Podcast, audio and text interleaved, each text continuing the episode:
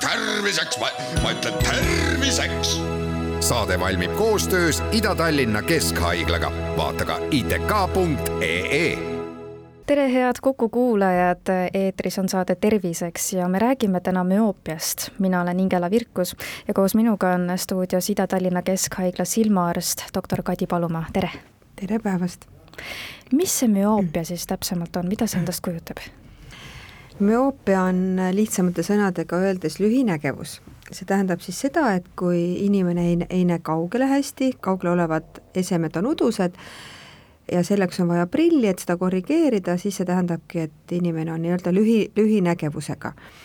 Teine variant on ka lapsed ja ka täiskasvanud võivad kasutada plussprille, seda nimetatakse siis hüpermetroopiaks ja kui inimene kaugele üldse prille ei vaja, seda nimetatakse siis emmetroopiaks, see tähendab, et kaugele pole üldse vaja ja siis teatud vanuses tulevad siis kõigil inimestel tavaliselt, ütleme üle neljakümne või neljakümne viie, siis lugemisprillid. aga müoopia ongi siis selline mm, äh, situatsioon, kui siis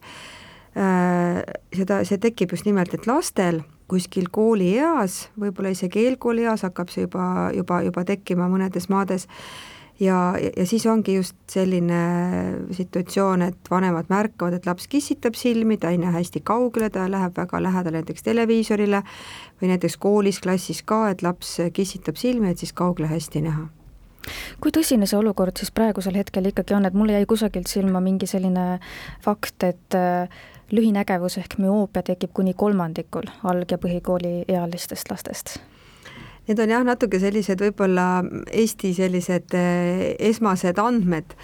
et me väga täpselt veel ei oska seda Eesti kohta öelda, kuid ülemaailmne trend on küll selline, et see on, on just, on väga suur nagu, ta nimetatakse isegi nagu epideemiaks ja kusjuures huvitaval kombel see epideemialaadne müoopia süvenemine toimubki just nimelt, et eh, Aasia riikides ja, ja hetkel ma just ka tulin mõni päev tagasi siin ülemaailmselt müoopia kongressilt ja seal oli väga hästi välja toodud, et Euroopas tegelikult nagu sellist pandeemiat kui sellist nagu isegi ei märgata. kuid see ei tähenda, et siin probleeme ei ole, et loomulikult ka siin meie kõrvalmaades lühinägevus kasvab, on kasvava trendiga, aga eriti drastiline on see olukord just nimelt, et Aasia riikides, just Hiina, Hongkong, samas näiteks Singapur, Äh, seal on jälle juba hakanud vähenema see, see lühinägevuse progressioon. Ja siin nüüd tulebki mängu, et mis siis selle põhjus kõik on, et mida teadlikumad inimesed on ja et kuidas seda vältida ja kuidas äh, hoida seda müoopia kasvu, et, et siin annab ka väga palju ise ära teha, et see ei ole nii, et see paratamatult kasvab ja meil mitte midagi pole selleks nagu ette võtta. miks see siis ikkagi tekib, et mis müoopia teket soodustab? hästi palju on tehtud uuringuid ja, ja selle, nende suurte uuringute tulemusena on jõutud väga lihtsate lahendusteni, just see, et lapsed, kellel just see müoopia tekib, just nimelt, et koolieas ja, ja võib-olla isegi ka varem, nad viibivad liiga vähe õues loomuliku valguse käes. ja, ja just ütleme, Hiina ja, ja just need maad, seal lapsed ju sunnitakse lausa päris kolme-nelja-aastaselt juba lähitööd tegema, nad vaatavad lähedale, nad vaatavad hästi lähedalt erinevaid nutiseadmeid, sama käib ka muidugi muude laste kohta mujal, mujal, mujal maailmas, aga see on üks selline tõsine ohu, ohumärk ja, ja teine asi, kui nad peavad seda lähitööd tegema, ega nad siis seda õues ei tee, siis nad teevad seda toas. Ja ja tubane valgus iseenesest on kordades nõrgem kui õuevalgus, näiteks äh, hästi valgustatud ruumis, kui rääkida nüüd luksidest, on viissada luksi, kusjuures kooliruumides on see kolmsada luksi. Ja õues pilves ilmaga on äh, valgustugevus kümme tuhat luksi ja päikeselise ilmaga sada viiskümmend tuhat. ja tegelikult siin on mitmekümnekordne vahe, mis siis on toas ja õues valgusel. Ja on ka toodud välja selline huvitav asi, et, et kõiki nagu valgusspektreid, nagu näiteks lillavalgus, seda tubases valguses ei ole ja on just tõestatud, et see just nagu kaitseb lühinägevuse tekke ja selle progressiooni eest. Kuidas täpselt see mehhanism on, seda uuritakse siiamaani, tehakse katseid siin küll tibudega ja, ja hiirtega ja ahvidega ja et, et mis mehhanismiga al-, algul arvati, et see on nagu üle, üle dopamiini, aga nüüd just seal kongressil ka räägiti, näidati, et ei, et see vist ikkagi ei ole ainult dopamiin, sest dopamiin on aine, mis siis äh, silmapõhjas reetinas ehk siis võrkkestas nagu vabaneb, aga põhjus on nagu selles, et see silmamuna, mis on müoopiline ehk lühinägev, ta kasvab liiga pikaks. Et mis siis soodustab seda, et see silm ei kasvaks liiga pikaks, et kuidas me saame nagu seda pidurdada.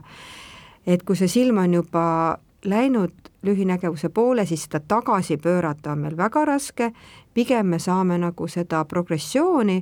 või seda lühinägevuse kasvu nagu pidurdada et ta nii kiiresti läheks. sest äh, mida varem see müoopia tekib, seda kiiremini ta ka edasi areneb, seda on ka tõestatud, et, et väiksematel lastel progresseerub see miinus äh, kiiremini kui näiteks vanematel lastel, ja noh, siin võib mõelda, et võib-olla neil on ka see silmamuna on hästi elastne ja, ja kõik võib-olla sellega seotud, aga noh, täpset mehhanisme ei teata, aga teatakse, kuidas me saame seda pidurdada me räägime sellest, et kuidas siis seda pidurdada mm -hmm. järgmises saates, aga kas seal kongressil näiteks mm -hmm. või et on mingit sellist värsket infot selle kohta ka, et kuidas need viimaste aastate distantsõpe ja selline pidev ekraanidega töö on laste silmadele mõjunud? ma arvan, et me võime seda äh, üle kanda ka täiskasvanute silmade tervisele jah, just nimelt, et, äh, et üks huvitav uuring oligi, mis oli tehtud Hongkongis ja kus äh, noh, kõik see lockdown ja, ja lapsed olid toas ja välja ei saanud minna ja, ja see suurendas väga-väga palju just lähitöö tegemist. ja, ja oli toodud välja niisugune number, et kuueaastaste seas kasvas lühinägevus kaks koma viis korda, nii et see tähendab seda, et kuskil kuueaastaste seas umbes kakskümmend viis protsenti lastest on juba müoopiaga, see on väga suur kasv. Ja see tähendab seda, et see kasvab sealt ka edasi eks ju, et kui lapsed juba, mida nooremalt see tekib, seda kiiremini see areneb. ja kusjuures praegu, kui seda Covidit enam nii-öelda ei ole nii suurel, suurel määral, kusjuures praegu isegi nad ütlesid, et see endine elu või endine elurütm, mis oli enne Covidit, see ei ole veel siiamaani taastunud et ikkagi äh, ollakse rohkem toas ja praegu võib võib-olla ka erinevatel maadel on võib-olla ka need need erinevad äh, piirangud on nagu karmimad ja, ja mitte nii karmid ja teine asi on ka see, et kui loetakse, see lugemiskaugus on ka hästi oluline. et äh, eriti väiksed lapsed ka, nad panevad hästi lähedale just need, ütleme meie mõttes isegi see arvuti on päris hea, see polegi väga paha, kuna see on laua peal, see on mingi nelikümmend sentimeetrit, aga sellised nagu need tahvelarvutid ja need nutitelefonid, et neid armastatakse vaadata hästi lähedalt ja, ja alla kahekümne sentimeetri on kohe täiesti keelatud vaadata, sest äh, see on suht loogiline, eks ju, et selleks, et see pilt läheks õigesse kohta reetinal, siis see silmamuna peab nagu akomodeerima ja ta peab nagu äh, sellise kuju võtma, et see pilt oleks terav. et lapsel on kõik need äh, lääts on hästi elastne, silma see valge kest on hästi elastne ja selleks, et korralikult näha, ta peabki ennast sellele vastavalt muutma nii et, et selline distants on ka hästi oluline, kui kaugelt lugeda Te mainisite enne neid sümptome ka, mis äh, müoopiaga võivad siis kaasneda, et mida tõenäoliselt peaks tähele panema, kas siis äh, lapsevanem või siis õpetaja koolis, kuna ma eeldan, et selline algklassi laps võib-olla ise ei oska kurta, et ta silmad on väsinud, et ta kissitab rohkem, et need on sellised äh, märguanded või tähelepanekud, millega siis peaks arvestama lapsevanem ja õpetaja. et kelle poole siis müoopia kahtluse korral võiks pöörduda, et kes selle murega tegeleb, kas optometrist esmalt, perearst, silmaarst või tuleks kohe tulla teie silmaarsti juurde? et kõik eh, Eesti lapsed, kolme-nelja-aastased, peavad käima eh, silmakontrollis, alustame sealt. Ja võib-olla ka veel veel varemast alustada, ütleme, kui laps sünnib, juba siis tema silmad vaadatakse üle, perearst vaatab refleksid üle, et see on niisugune rutiinne, mis käib tava nagu kontrolli juurde. Ja kolme-neljased aastased lapsed, neil ka kontrollitakse nägemist eraldi ühe silmaga ja teise silmaga, juba see on selline esmane screening, kus me siis nagu sõelume välja lapsed, kellel, sest laps ei kurda, laps ei kurda kunagi, ta ei tea, et sõber näeb temast paremini või et üks silm näeb halvemini kui teine, sest ta ei kontrolli ühte silma ja teist silma, ei pane kinni. aga kindlasti perearsti juures ja pereõed on väga tublid ja, ja neil on vastavad tabelid olemas ja kõik ja kui on mingi probleem, nad teavad täpselt, milline see probleem on, kas üks ilmneb vähem kui teine või on, et laps ei näe oma ea kohaselt, siis suunatakse edasi juba silmaarstile. meil on ka e-konsultatsiooni võimalus osade äh, tohtritega ja, ja sealtkaudu ka lapsed saavad suht ruttu spetsialisti juurde. ja kui nüüd edasi läheb, siis tegelikult enne kooli äh, ka kontrollitakse ju laste nägemist ja kui seal tuleb siis mingi probleem, siis samamoodi silmaarst juba sellega tegeleb ja, ja lastel ongi see, et kõigepealt peale, enne esimeste prillide kirjutamist me teeme kindlasti alati sellise uuringu, et me paneme tilgad silma, mis teevad silmatera suureks, kus me siis näeme täpselt, millist prilli sel lapsel vaja on, sest ilma selle uuringuta me võime kirjutada valed prillid. Ja seetõttu me tegelikult ei soovita nagu minna ka prillipoodidesse, sest optometristidel tegelikult see õigus nagu puudub silmatilka panna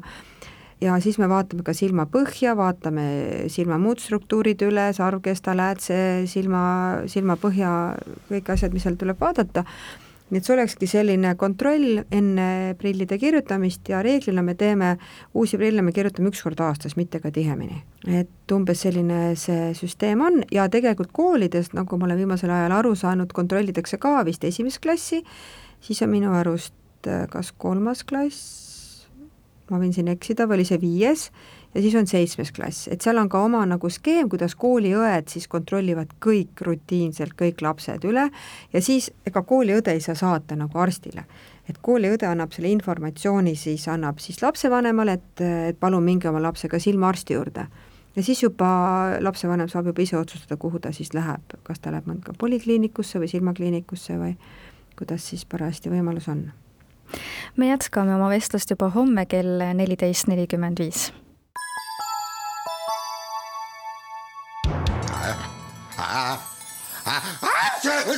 terviseks, ma, ütlen terviseks. saade valmib koostöös Ida-Tallinna Keskhaiglaga, vaata ka itk.ee